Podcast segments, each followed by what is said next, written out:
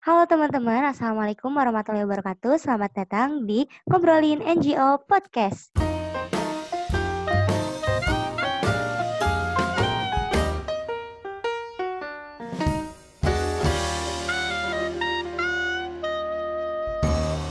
Perkenalkan, kita dari kelompok 5 kelas A Administrasi Publik Visip Unpas 2018. Di kelompok ini beranggotakan ada saya sendiri Alma Nur Zaida, ada Rizky Akbar, Muhammad Ilyas, Bayu Azhar, Novi, Ferdi, ada Michael, dan ada Agus. Nah, di episode kelima ini, topik yang akan kita bahas adalah peran NGO dalam usaha swasembada ketahanan pangan di tengah pandemik.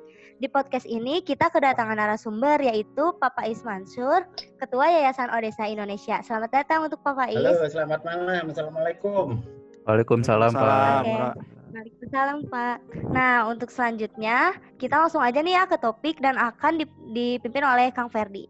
Buat Ferdi dipersilahkan. Terima kasih buat Tel Telma. Uh, sebelumnya uh, yang terhormat Pak Faiz Mansur beserta uh, di sini mungkin ada Pak Syauki ya dari pihak Odesa. Uh, sekali lagi saya ucapkan terima kasih atas kesediaan waktunya uh, hadir dalam diskusi diskusi ini ya Pak ya. Uh, Semoga nanti uh, apa yang Bapak sampaikan dapat bermanfaat untuk kita kita semua nantinya.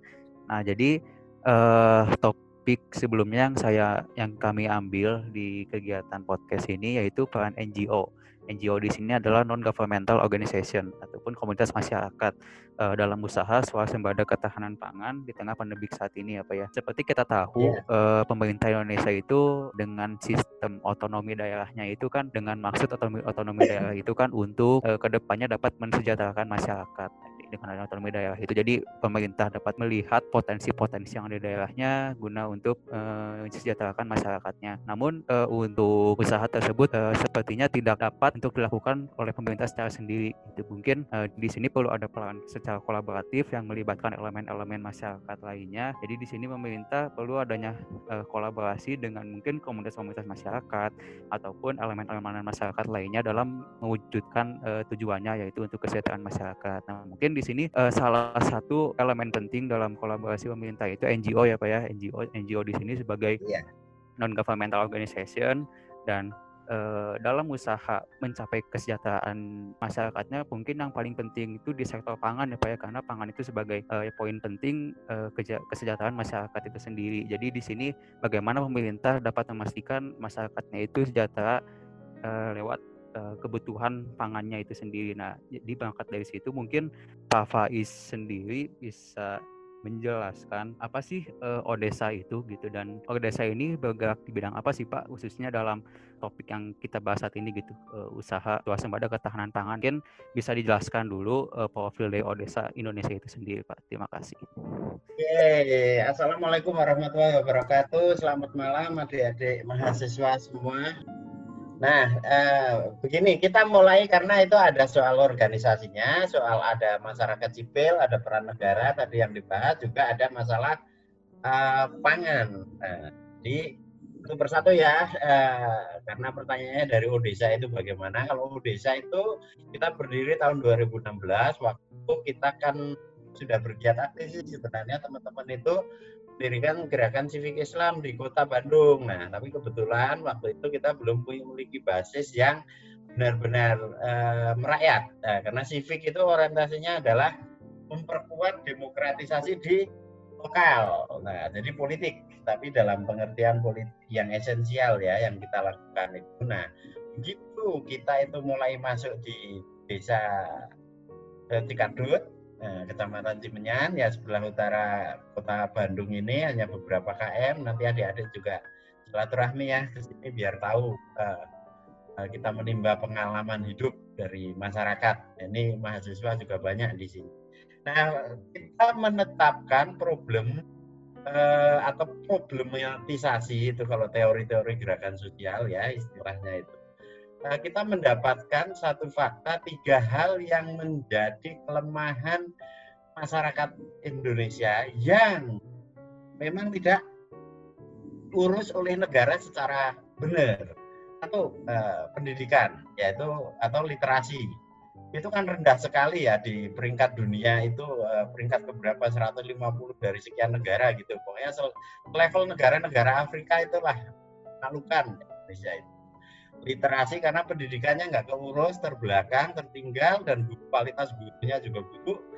Nah, yang kedua soal ini yang mengagetkan waktu itu saya nggak menduga juga kalau di Ciminyanti ini aja ada masalah sanitasi di mana keluarga-keluarga miskin ini mengalami kekurangan air, eh, air untuk rumah tangga dan juga air untuk pertanian. Terus yang ketiga ekonomi. Nah, ekonominya itu juga amburadul. Mengapa? Karena mata rantainya pendidikannya juga rendah, terbelakang, sehingga ketika modernisasi masuk, kalau adik-adik harus bersyukur, makanya sudah bisa kuliah seperti itu, artinya kesempatan untuk hidup berkembang lebih baik itu lebih uh, lebih lebih bisa apa progresif ya. Kalau masyarakat yang tidak mendapatkan akses pendidikan ini akibatnya terpuruk karena tidak ya skill ilmu. Kalau mungkin skill dan ilmu pengetahuan dari kampus ini nggak menjamin, tapi kan kalian ini ketemu banyak teman dari lintas daerah, ketemu beragam anak ada anak pejabat, anak kades, anak camat, anak dosen, macam-macam kan. Jadi kita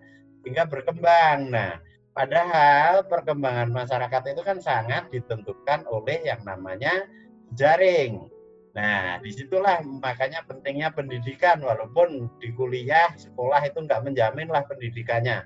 Harus tetap di backup dengan otodidak, belajar sendiri 80% ya. 20 persennya dari formal, 80 persennya harus ngotot belajar sendiri.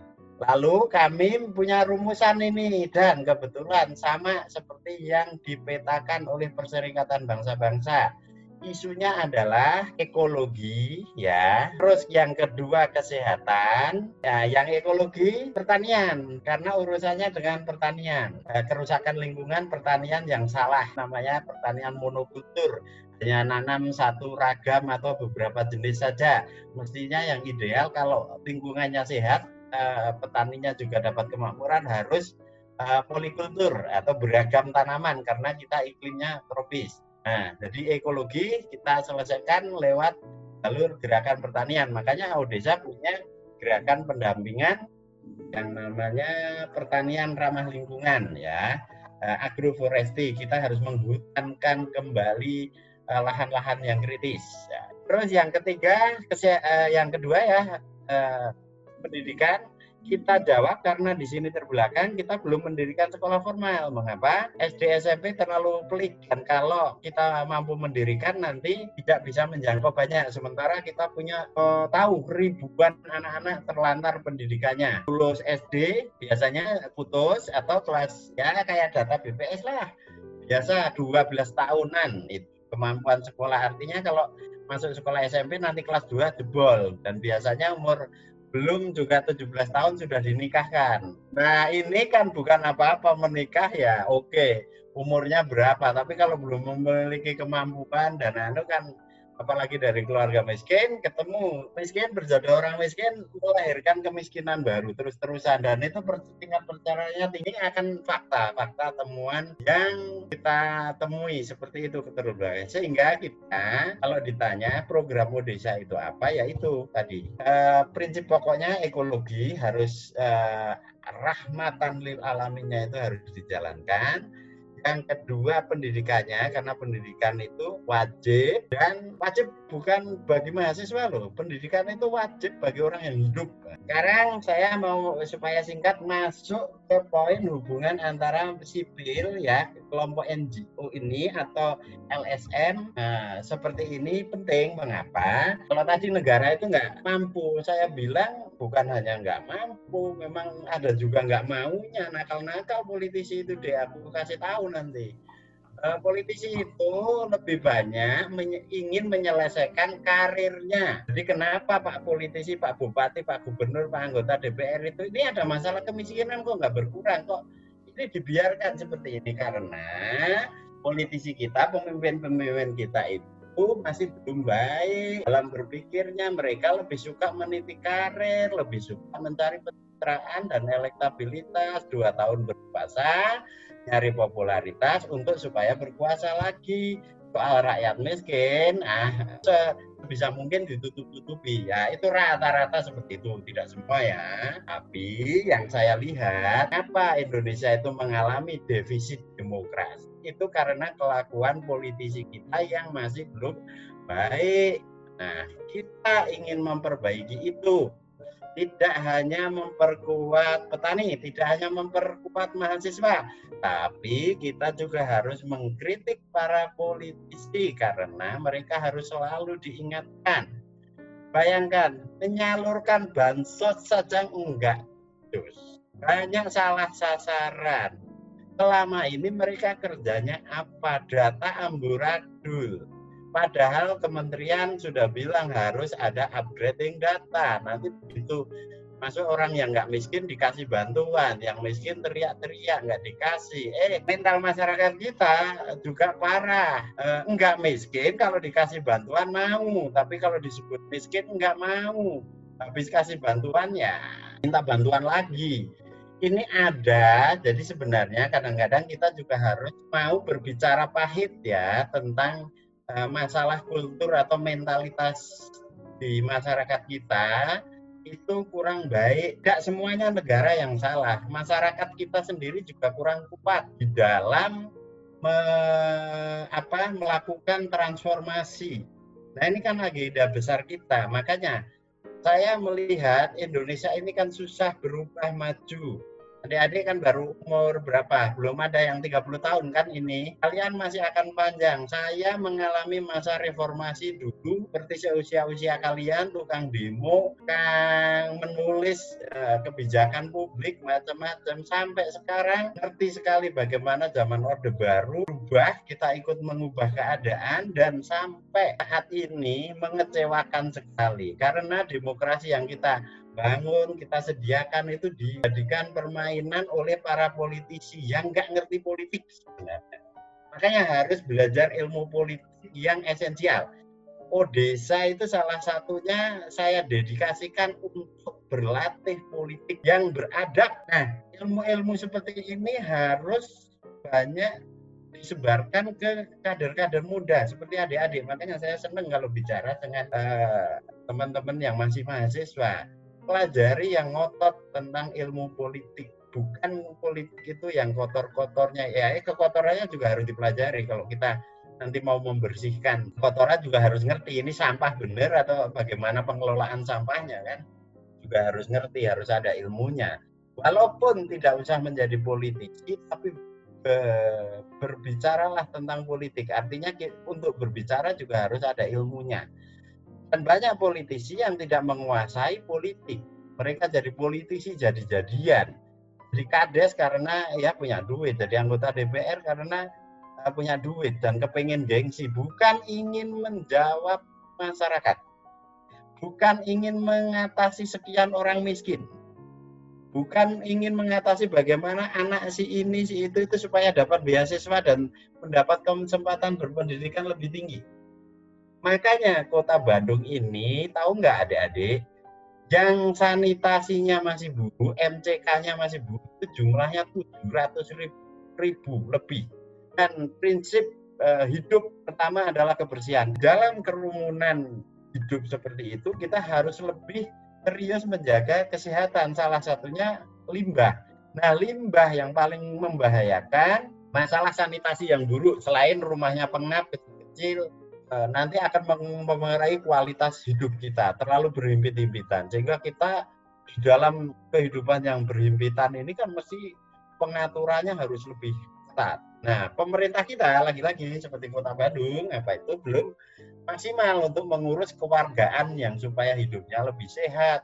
Mereka lebih senang membangun yang ini mall, yang gede-gede, yang keindahan, yang mercusuar tapi di kali yang dilewati di tengah kota itu banyak kotoran manusia itu dialirkan di situ. Kelompok sipil seperti Odesa ini saya dedikasikan penuh dengan semangat perjuangan, bukan hanya berjuang, bukan hanya menyalurkan bansos, tapi harus bisa juga menyalurkan ilmu pengetahuan. Ini yang paling penting karena ilmu pengetahuan adalah obor untuk penerang hidup kita.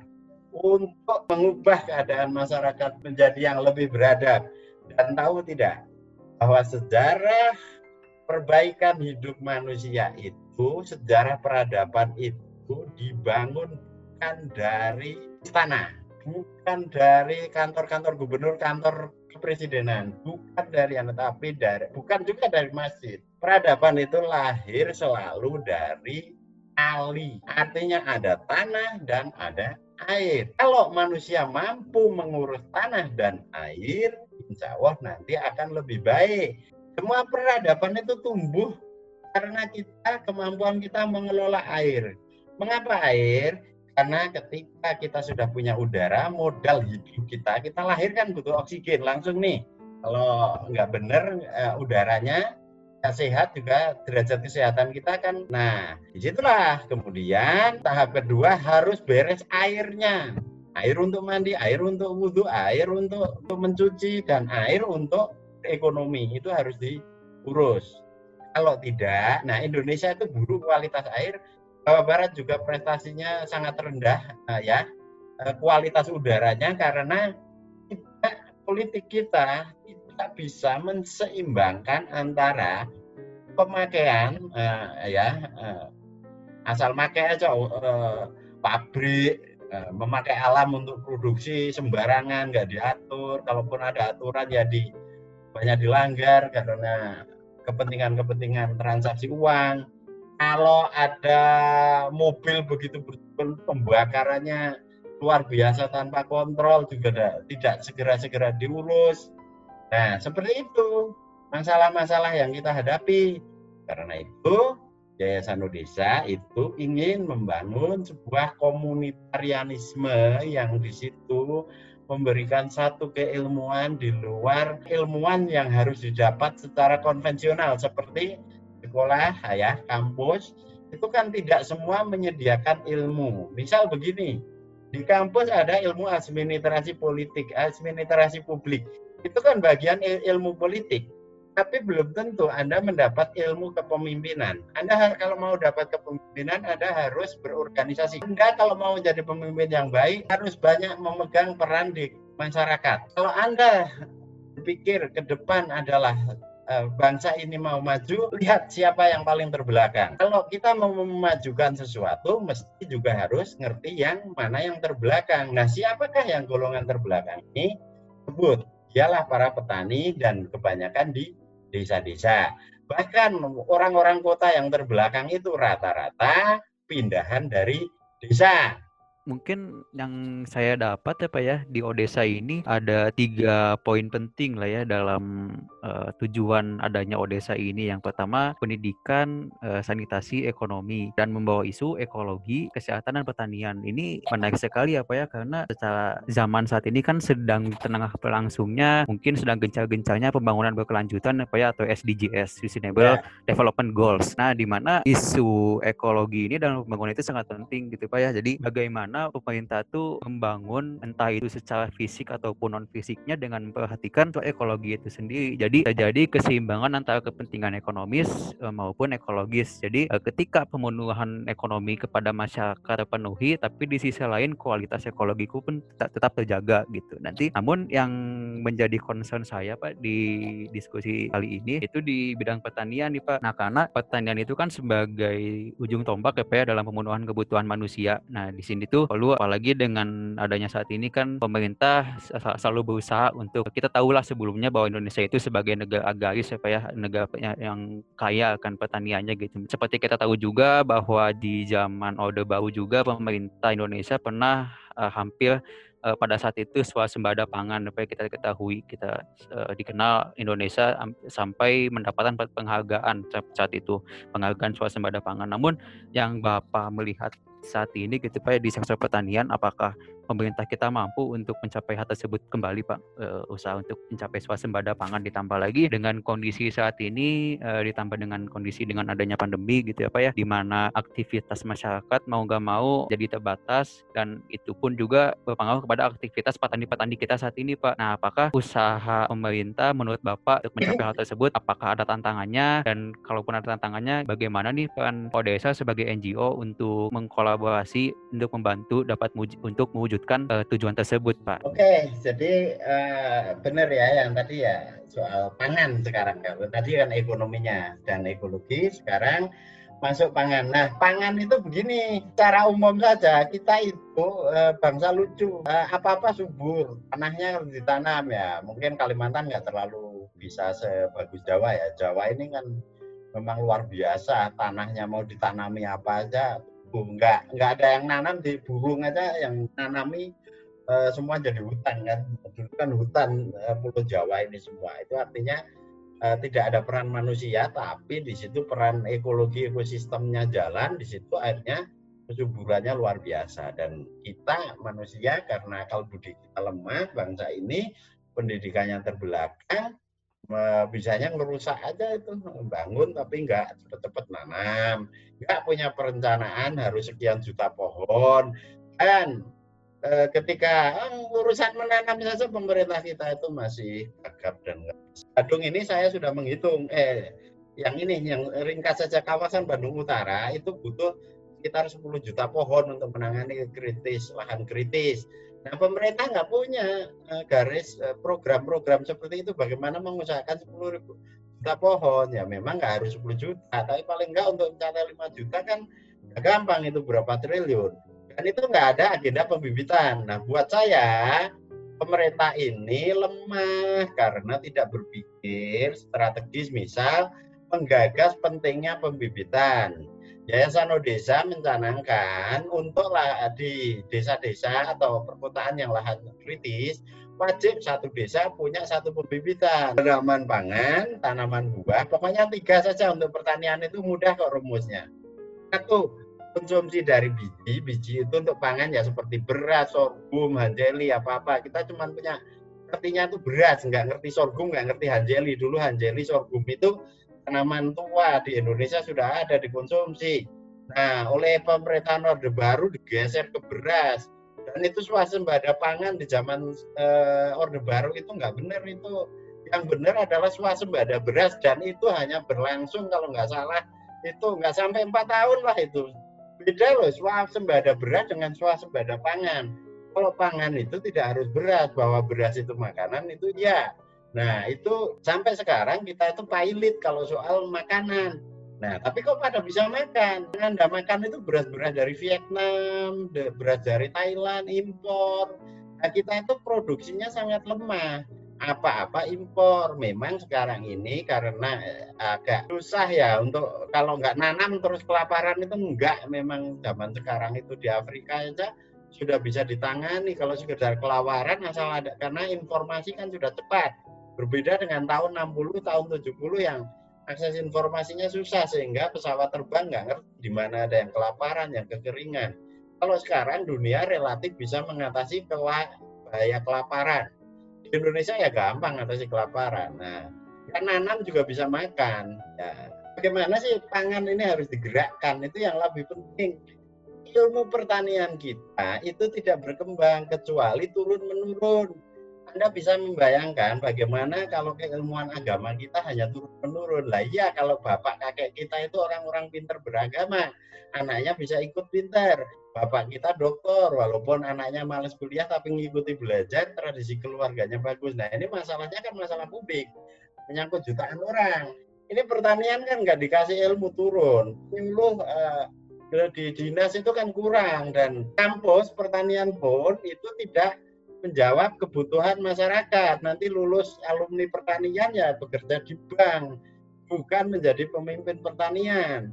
Padahal yang kita butuhkan itu masyarakat kita ada yang menggerakkan, memimpin. Makanya setting strategi desa ini untuk penguatan pangan juga dengan kepemimpinan yang organik ya, yang masuk mendampingi petani secara langsung Nah, terus apa itu sulit? Tidak. Kalau soal sulit enggak itu gampang. Nanti kalau sudah di lapangan akan uh, terlihat mana yang sulit, mana yang tidak. Dan itu jalan baik, saya puas. Dan apa yang kita lakukan untuk pangan ini? Kita nggak sekedar bicara beras, ya beras oke okay lah. Tapi kan kita punya sorghum, kita punya hanjeli. Saya nanam sorghum, nanam hanjeli supaya orang punya sumber alternatif pangan selain beras karena itu gizinya juga baik Eh, lebih bagus bahkan untuk yang diabetes.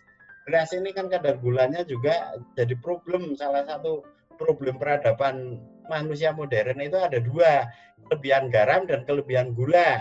Anda nggak makan gula secara gula pasir tapi kan makan kue-kue biskuit banyak sekali serba gula akhirnya diabetes. Pangan kita itu memang tidak sehat walaupun modern.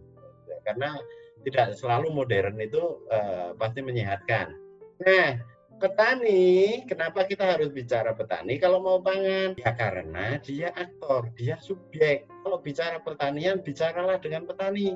Bukan seminar di hotel-hotel ngomongin petani, petaninya nggak nyambung. Ini makanya pemerintah ngabisin anggaran banyak, apalagi setiap akhir tahun ngomongin program pertanian, tapi pertaniannya nggak jalan-jalan.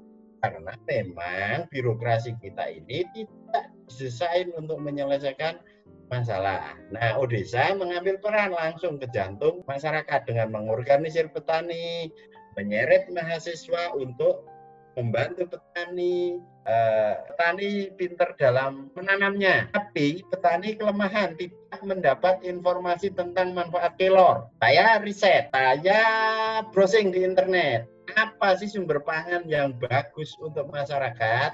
kalau saya nanam sayur sebagaimana petani yang sudah dilakukan, toh itu juga di amburadul. Odesa harus lahir ke situ ke masyarakat untuk membawa perubahan, menambah bukan mengganti. Nah, salah satunya kelor. Kelor gizinya bagus, temuan ribuan peneliti di dunia dan sudah disahkan oleh eh, WHO, FAO juga ya di Perserikatan Bangsa-Bangsa 2014. Maka Yayasan Odesa kenceng mengampanyekan kelor karena pemerintah kita itu lelet, remote respon. Begitu PBB mengeluarkan kayak gitu aja, pemerintah nggak bergerak. Mestinya kan gerakin pembibitan kelor pada tanah. Mengapa? Karena itu gizi baik, mengatasi stunting. Bahaya kalau stunting, nanti kalau kuliah ngantuan itu. kalau anak stunting. Nah, itu untuk uh, pangan sehat bergizi. Terus yang kedua, filsafat pertanian kita juga tidak ada di kalangan petani. Yang harus kita tumbuhkan sekarang satu, menambah keanekaragaman hayati, tapi sekaligus ya yang kedua, itu mampu menyeleksi sumber-sumber primer pangan yang bergizi yang bisa dikonsumsi oleh masyarakat lokal tidak hanya bicara berapa harga jualnya, tapi jangan sampai nanti kita bisa nanam hanya jeruk. Oke, dapat vitamin C, tapi dijual semua. Berasnya beli terus. Pakan yang lain kan kita kan kebutuhan makanan juga beragam kan. Manusia kan paling rakus, doyan daging, doyan daun, doyan apa, eh, apa-apa dimakan itu kan manusia. Makanya Eh, kita juga harus kreatif di situ untuk menanam aneka ragam sumber makanan uh, yang bergizi dan sehat. Nah, itu karena sumber pangan itu juga uh, rentan waktunya itu pendek karena busuk. Ya kalau besi baja dimakan manusia ya awet besi baja sih nggak busuk, cuman nggak bisa dimakan manusia. Kalau makan manusia yang bagus itu yang fresh, organik fresh ya itu keren Nah itu harus nanam. Jadi nanam itu harus menjadi kebudayaan, bukan hanya oleh profesi petani. Tanam itu harus digerakkan. Saya bukan petani dan saya tidak akan jadi petani. Tapi saya setiap hari bertemu dengan petani dan memberikan eh, apa kontribusi lah kepada mereka. Saya nggak penting jadi ahli petani. Saya sudah cukup hidup nggak usah bertani tapi banyak tetangga saya, banyak teman-teman kita di pertanian ini kan yang anaknya nggak bisa sekolah, bahkan untuk SMP, SMA. Kita cariin bisa beasiswa lah. Oke, ambil didampingi pertaniannya supaya mereka dapat nilai lebih. Misal pekarangannya kosong. Nah, ini tani pekarangan ini strategis. Adik-adik aja kalau mimpin bisa nanti belajar setengah bulan aja terus mimpin tani pekarangan petani nanti sama Sauki itu udah pengalaman itu baru setahun mereka adik-adik mahasiswa yang di Yayasan Odesa itu sudah bisa memimpin dan mengambil alih eh, pergerakan ini untuk memperbaiki kehidupan masyarakat MCK, toilet umum, pertanian, nah, termasuk tani pekarangan. Karena lahan-lahan pertanian ini sempit, petani kita, tapi petani itu masih ada aset. Misal lahan di pekarangan 2-3 meter, 4 meter, harus diurus pokoknya. Jangan sampai ada tanah yang nganggur. Kalau ada tanah yang nganggur berarti itu indikasi otaknya nganggur. Nggak berpikir maksudnya. Kita tanami pakai polybag, tumbuhlah pekarangannya itu tanaman-tanaman sayur sehingga petani mengurangi kemiskinannya langsung tanpa uang itu. Maksudnya tanpa uang begini, tidak harus mendapatkan uangnya, tapi ketika mereka menanam sayur setiap hari memasak setiap hari melakukan penghematan antara 8 sampai 10 ribu rupiah. Katakanlah kalau 10 ribu rupiah satu keluarga berhemat, satu bulan berapa? 300 ribu. Padahal problem orang miskin kita itu kan uang 300 sampai 800 ribu ya. Jadi kalau kita menggerakkan tani pekarangan, bertani sayur mayur di pekarangan, taninya itu nggak usah belanja ya, ibu-ibunya itu nggak usah ke warung, keluarin uang 10 ribu itu sudah menjadi jawaban konkret. Nah, pemerintah nih kritik lagi.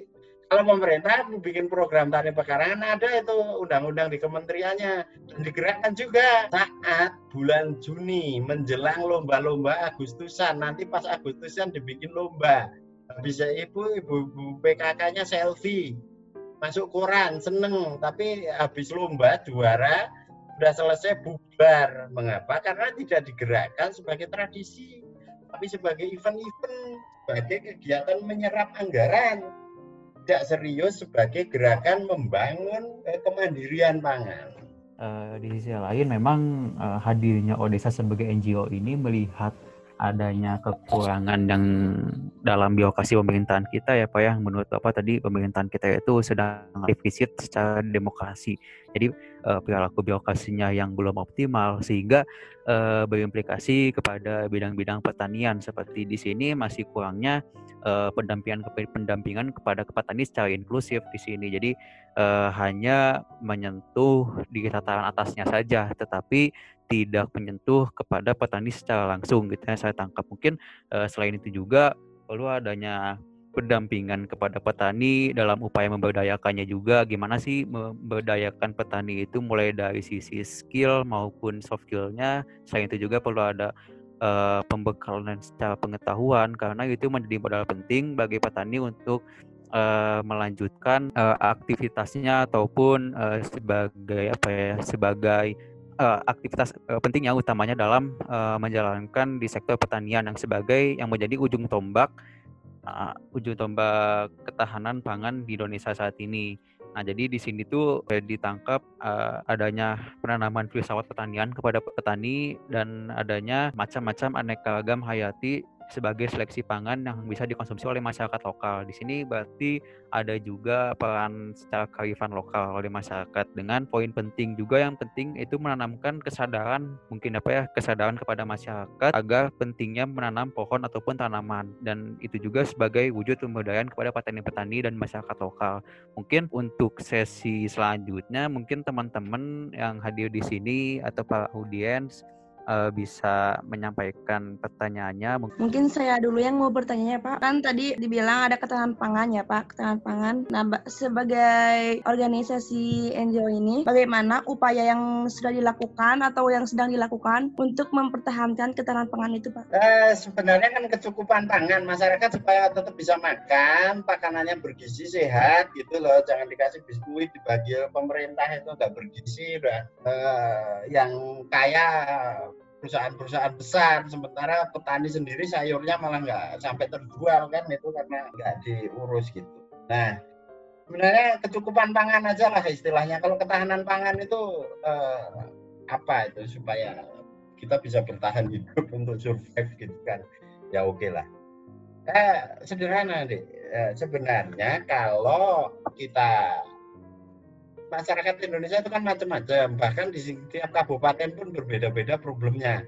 Nah, kalau di problem di kita, di kami ya tadi yang saya ceritakan ada problem eh, intensifikasi pertaniannya lemah. Misal ada lahan-lahan pekarangan nggak diurus, bukan mubadir. Sementara dengan modal ah, sekitar 400 sampai 800 ribu aja udah bisa jalan untuk beli polybag untuk jadi lahan pekarangannya rapi dan itu mereka bisa bertahan hidup tanpa harus cari pekerjaan ya gimana sekarang tukang ojek aja nggak aku jasanya kan taksi juga sopir banyak yang tetap nggak bisa maksimal kerja. Sementara, nah ini problem juga problem kultur kita banyak pengangguran sebenarnya yang terselubung.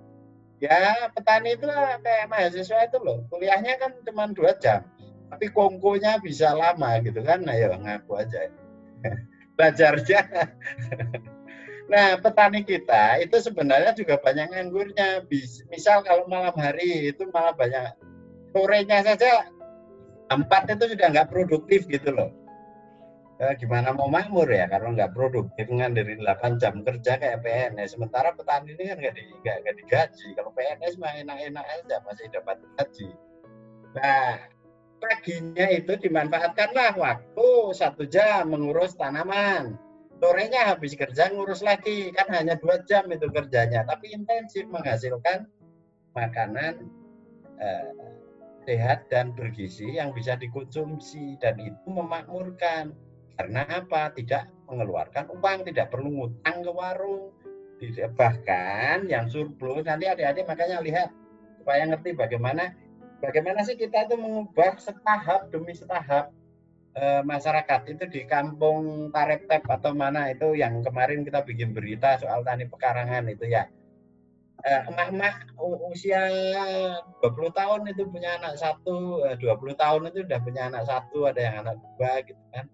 Nah, mereka kesulitan ekonomi dengan sayuran, ya oke ya berasnya dari mana itu urusan lain. Mereka kan selama ini juga punya pekerjaan, jadi kita itu berkontribusi menambah pekerjaan yang nah ini dilakukan secara efektif. Efektif itu kalau untuk petani menurut saya iya dilakukan di rumahnya.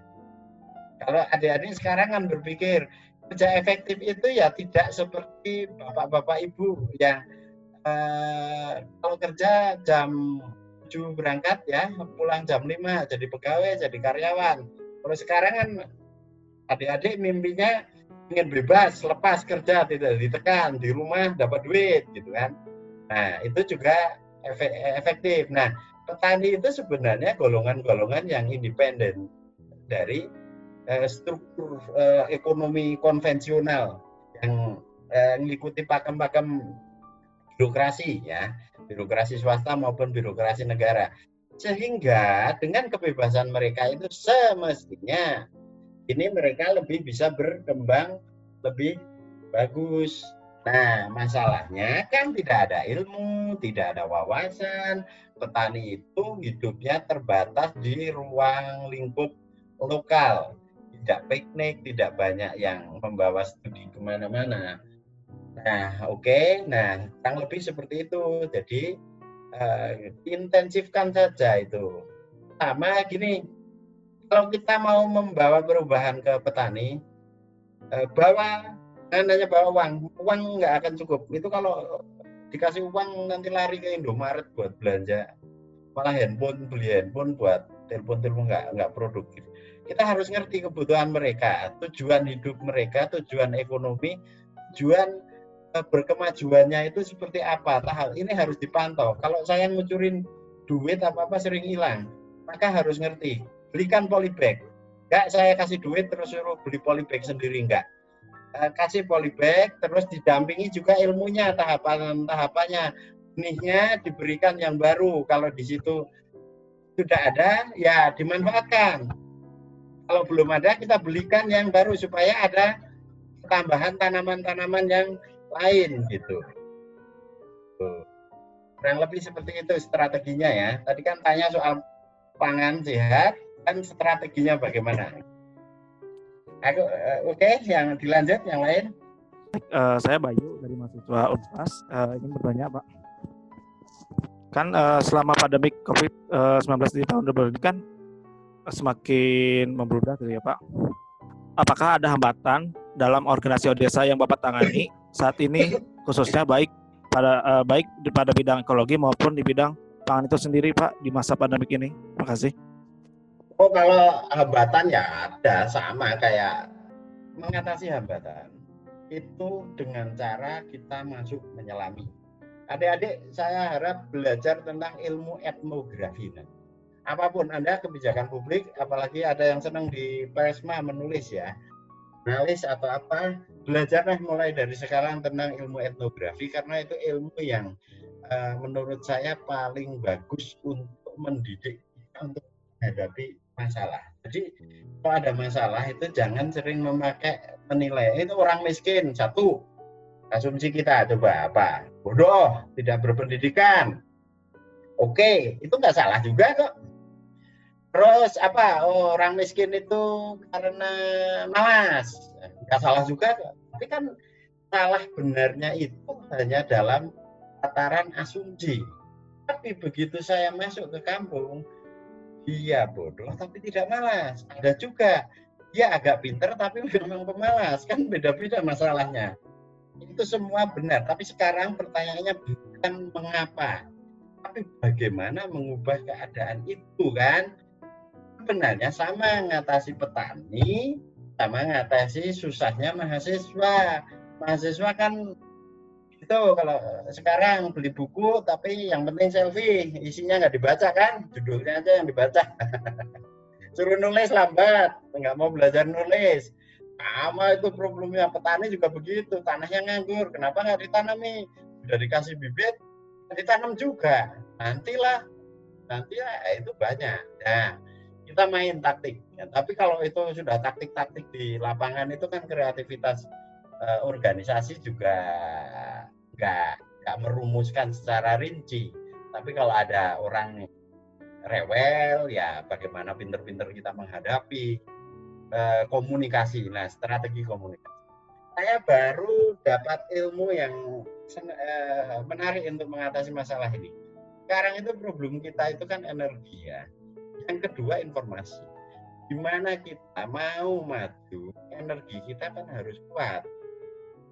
Makan itu kalau kita kita butuh makan karena isi kita, otak kita bekerja ya, kurang lebih kan begitu Makanya kalau Anda makan banyak tapi nggak olahraga, apalagi habis makan tidur nggak mikir, itu itu sebenarnya energinya buat apa gitu. Nanti tambah bodoh, tambah ngantuan, itu repot. Nah, yang kedua informasi begini. Kalau kita kepengen maju, tapi sumber informasi kita kurang, ya tadi seperti kasus-kasus itu, petani pinter menanam, menyangkul 30 tahun, punya pengalaman, tapi tidak dikasih tahu ada kelor, ada tanaman hanjeli, ada yang ini ya akhirnya mereka tanam itu itu aja singkong aja padahal pertanian kita tuh luas tanaman kita apa saja hidup banyak. Nah mahasiswa juga begitu. Hati-hati nih deh Anda masih punya energi yang kuat sekarang ini gunakan itu energi untuk energi uh, hidup untuk belajar. Enggak, gerak fisik ya juga ada otak maksudnya. Makan yang bergizi jangan banyak makan gorengan itu di kota. Mahasiswa udah gorengan ngutang gitu loh. Wah repot. Ya nggak apa-apa ngutang tapi yang penting dibayar. Nah itu. Makan yang baik-baik terus yang paling penting gizi otak anda ini harus diperkuat dengan uh, keilmuan. Nah supaya segar energi kita fresh energi itu kan dari berbagai sumber. Anda jangan nggak bisa cukup hanya dengan banyak baca buku tapi tidak praktik itu nanti linglung. Ya mau banyak intelektual intelektual gitu ngerti ini segalanya ngerti tapi nggak bisa apa-apa nah ini problem tapi banyak yang bisa apa-apa tapi nggak nggak nggak ngerti banyak hal tapi bisa melakukan sesuatu yang berguna itu praktisi kombinasikan nalar umum dengan nalar khusus. Berpikirlah makro, tapi bertindaklah mikro. Anda tidak akan bisa mengubah dunia yang luas ini penduduknya berapa? 8 miliar sekarang. Hitung 200 orang aja kita meleset, itu 99 atau 100 orang, ini miliaran loh. Luas sekali dunia kita. Coba intip Anda di Google itu. Tapi untuk intip di Google, kuotanya diperhatikan ya itu oh, nggak punya pulsa nanti nggak bisa itu tajam ngamatin Nigeria pulau-pulau satu persatu nggak usah keliling dunia dulu kita pantau itu betapa kehidupan kita itu begitu luas kayak gitu kita tidak boleh miskin informasi banyak perbanyak informasi tapi juga harus bertindak walaupun lokal di skup dimulailah dari kampus Anda gerakan itu ada perkara di kampus Anda itu ada lahan yang kosong enggak? Kalau masih ada tanami itu, ngambil bibit dari Odisha boleh. Coba. Atau kalau di situ nggak ada ya, ada sekali lah uh, satu tim itu di pinggir kali mana kota Bandung uh, butuh bibit ini ini ini koordinasi sama Odisha kita punya pembibitan masalahnya. Bukan kita punya uang tapi kita punya tanaman. Kalau anda minta bibit ke Odisha nggak ada. Tapi kalau bibit punya nanti uh, aksi di sana. Uh, gerakan uh, menanam di lahan orang itu lebih bagus. Nggak harus punya tanah sendiri. Saya nggak pernah punya tanah ini sampai sekarang. Tapi saya punya teman petani banyak sekali. Sehingga tanah-tanah petani ini banyak ditanami tanaman pangan. Suatu saat ini investasi deh. Anda kuliah empat tahun tidak cukup. Tambah S2 sampai S3 STLR itu. Berapa tahun? Itu uh, butuh waktu 8 tahun. Kalau nanam kalau mau panen yang cepat ya nanam sayur. Tapi habis itu habis ekologi tetap eh, tidak berubah. Kita harus mengkombinasikan tanaman pendek, tanaman menengah, dan tanaman besar, termasuk tanaman yang tidak kita makan seperti pohon beringin yang besar-besar.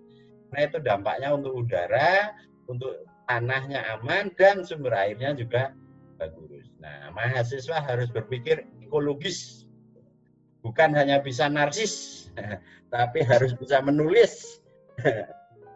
Ya Pak, perkenalkan saya Ilyas dari perwakilan mahasiswa Administrasi Publik Visit Unpas. Uh, setelah pemaparan yang dijelaskan oleh Bapak tadi kan bahwa desa itu merupakan titik mula awal peradaban manusia gitu Pak.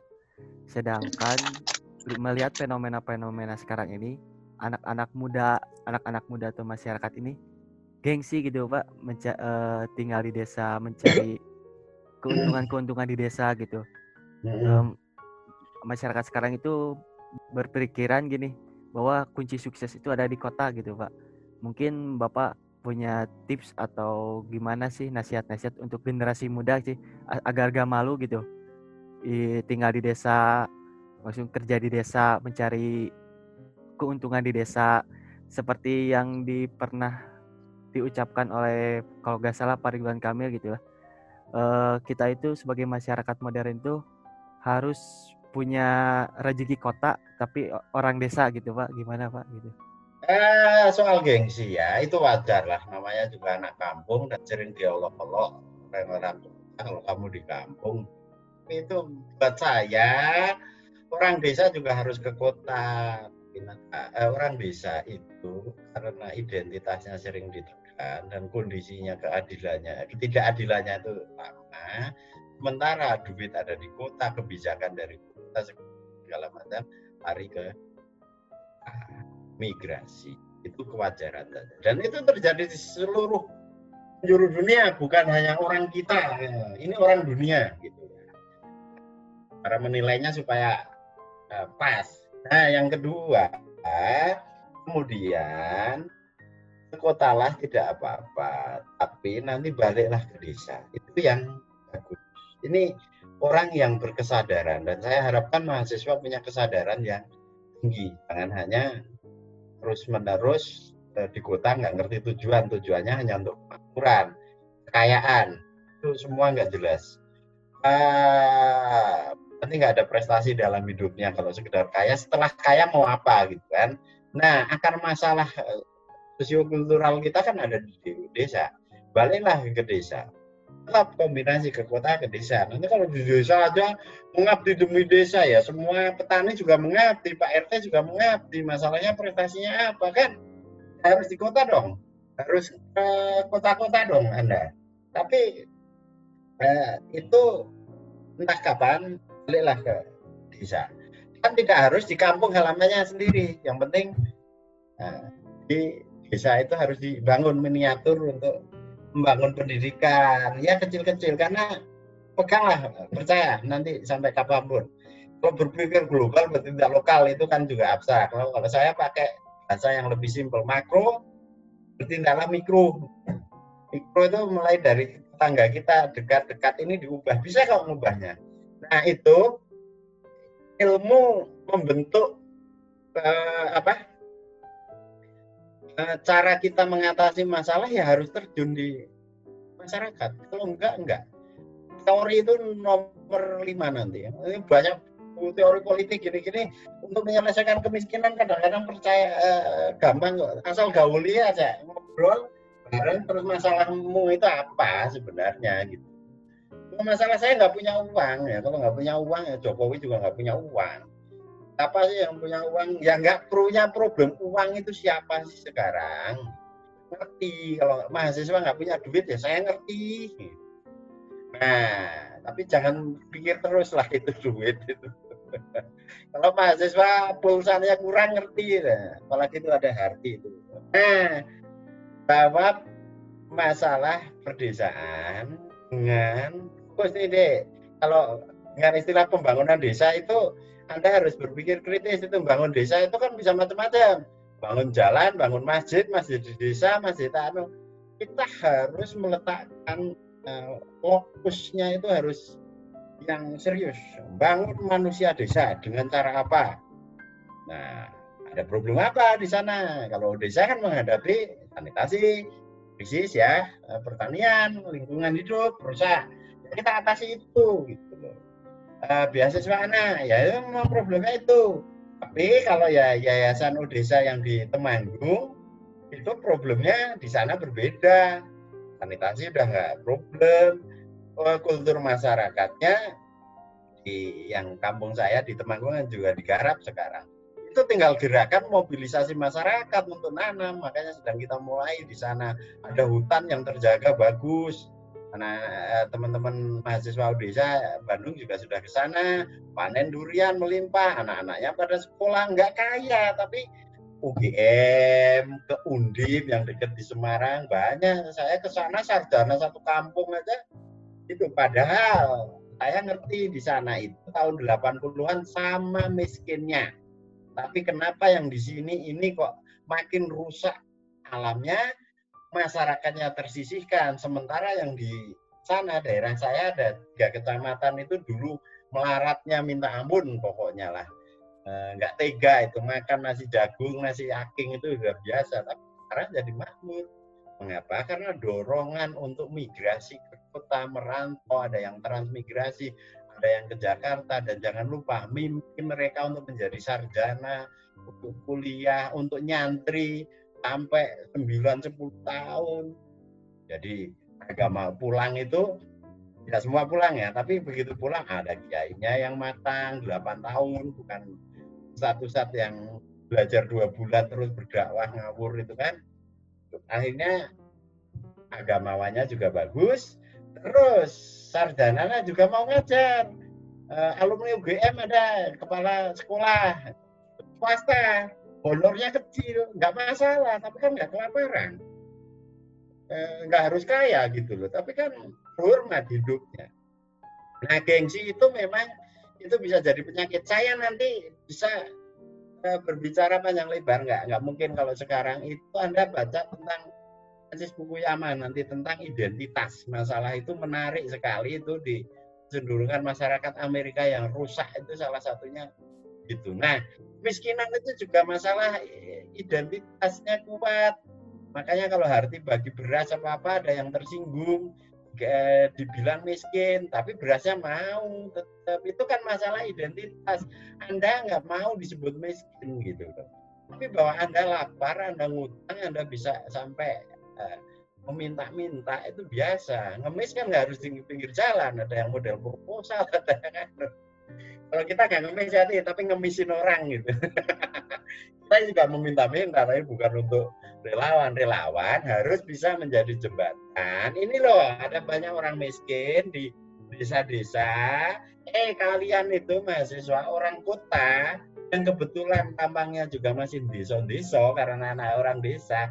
Coba mengabdi ke desa sambungkan komunikasi. Kita punya perangkat komunikasi mulai dari handphone untuk produksi uh, menulis jurnalistik kita tampilkan di media masyarakat dan uh, media massa.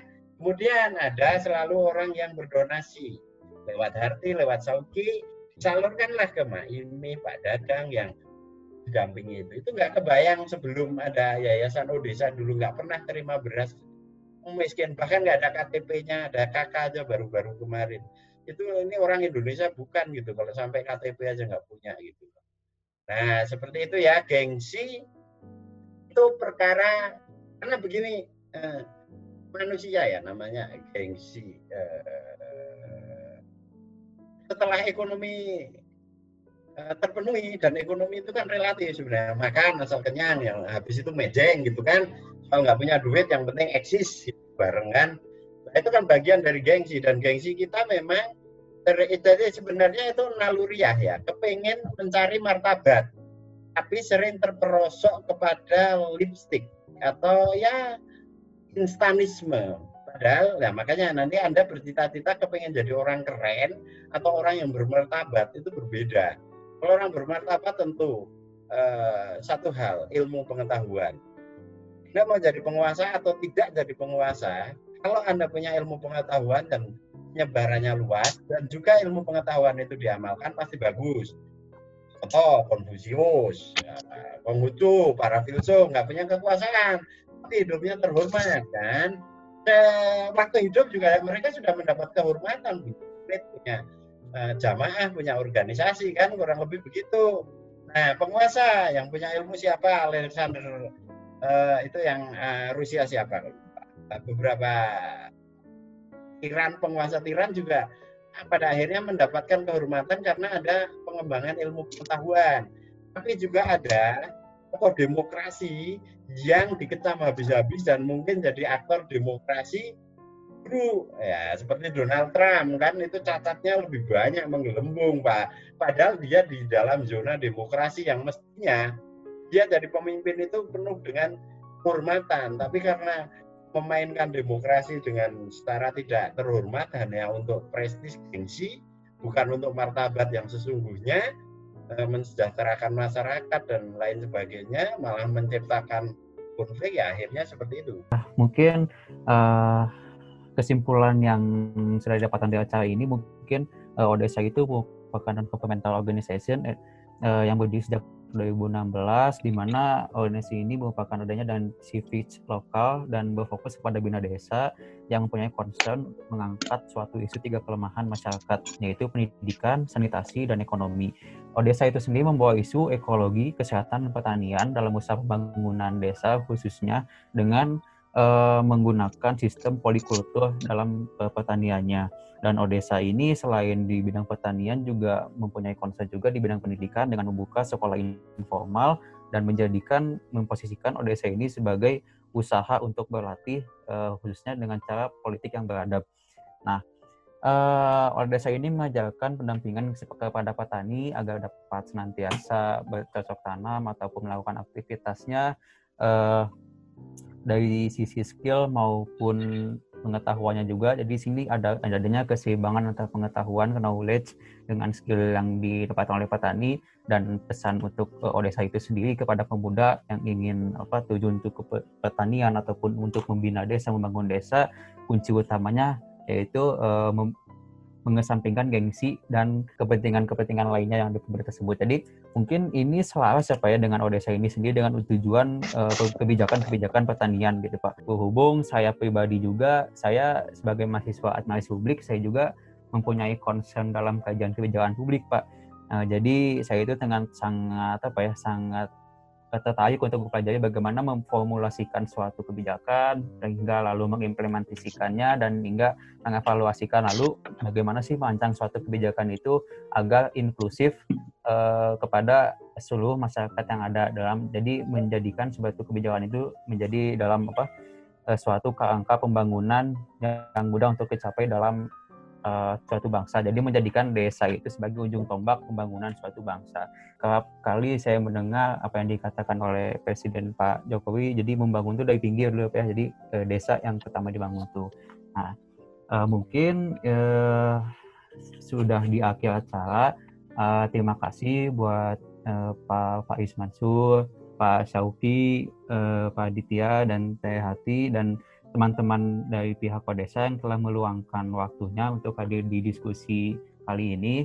Semoga uh, apa ilmu yang telah diberikan bermanfaat untuk kita semua dan uh, dapat menjadikan apa tambahan ilmu lah asupan ilmu untuk mengaktualisasikan kita menjadi lebih baik lagi gitu. Ya baik, terima kasih buat Kang Ferdi dan terima kasih juga untuk Pak Faiz atas ketersediaannya menjadi narasumber di podcast kami. Semoga seperti yang tadi Kang Ferdi bilang, uh, semoga segala sesuatu yang sudah dibahas dalam podcast ini bisa menjadi ilmu yang bermanfaat untuk kita semua. Dan terima kasih juga Amin. untuk para audiens baik dari mahasiswa maupun dari teman-teman uh, dari Odessa yang telah hadir di podcast kali ini. Sekian podcast episode 5 perihal peran NGO dalam usaha swasembada ketahanan pangan di tengah pandemi ini dan sampai jumpa.